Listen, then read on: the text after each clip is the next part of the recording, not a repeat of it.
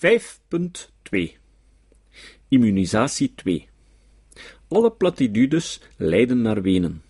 De exclusiviteit van het truïsme. 5.2.1 Alle platitudes leiden naar wenen. In de morgen van 6 mei 2006 mocht de Gentse Lacaniaan Paul Verhagen de kaarsjes uitblazen voor Sigmund Freuds 150ste verjaardag. Als een van de meest genuanceerde stemmen in het veld, als een van de meest genuanceerde stemmen in het veld, maakte Verhagen de balans op van een eeuw psychoanalyse. Volgens Verhagen heeft de psychoanalyse ons het onderscheid tussen bewust en onbewust bijgebracht. En weten we, sinds de ontdekking van het Oedipuscomplex, dat in de kindertijd de basisverhoudingen tot de wereld worden gelegd. En dat kinderen een nauwe band hebben met hun moeder, waar ze achteraf van moeten loskomen. De strategie die Verhagen toepast in zijn lofrede op Freud is de laatste jaren bijzonder populair in het genuanceerde psychoanalytische veld.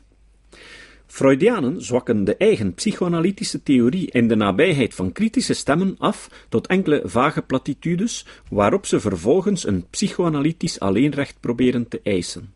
Door de psychoanalyse ten gepaste tijde te associëren met wollige truïsmen over onze menselijke condities of met triviale common sense psychologie, waar ze in het beste geval lang geen alleenspraak kan opmaken en in het slechtste geval omzeggens niets mee te maken heeft, proberen psychoanalytici hun pseudotheorie in de praktijk van de intellectuele discussie incontournable te maken.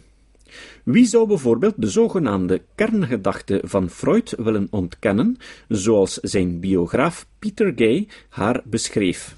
That we are inextricably involved with others.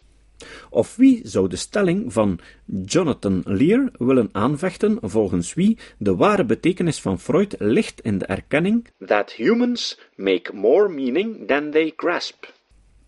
In 5.2.3 zal ik aantonen op welke manier de besproken psychoanalytische legende een handje toesteekt bij het in stelling brengen van deze immunisatiestrategie.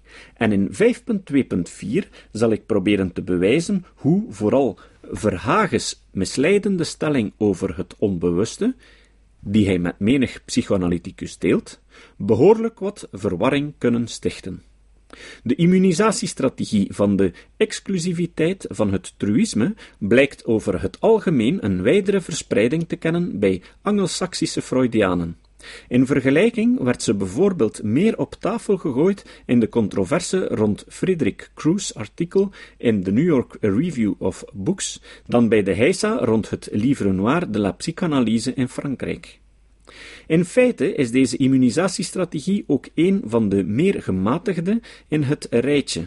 Wie zijn pseudotheorie wil redden door ze in de nabijheid van critici strategisch te minimaliseren tot enkele algemene of vage platitudes, om ze daarna eventueel weer tot normale proporties op te blazen, hoeft niet noodzakelijk de normale maatstaven van wetenschappelijke evidentie op zich te verwerpen. Zoals we zullen zien, is deze immunisatiestrategie dan ook relatief populair bij wetenschappelijk of rationeel georiënteerde psychoanalytici. Enkele academische psychologen en neurologen die de Freudiaanse doctrine zijn trouw gebleven.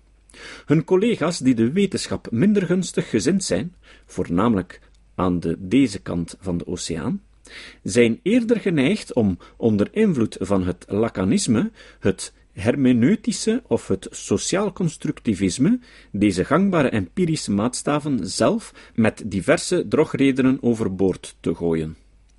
Uiteraard is dit een zeer algemene tendens die verschillende uitzonderingen kent. Ook in Manhattan wonen Freudianen die zich niets aantrekken van wetenschap of empirie.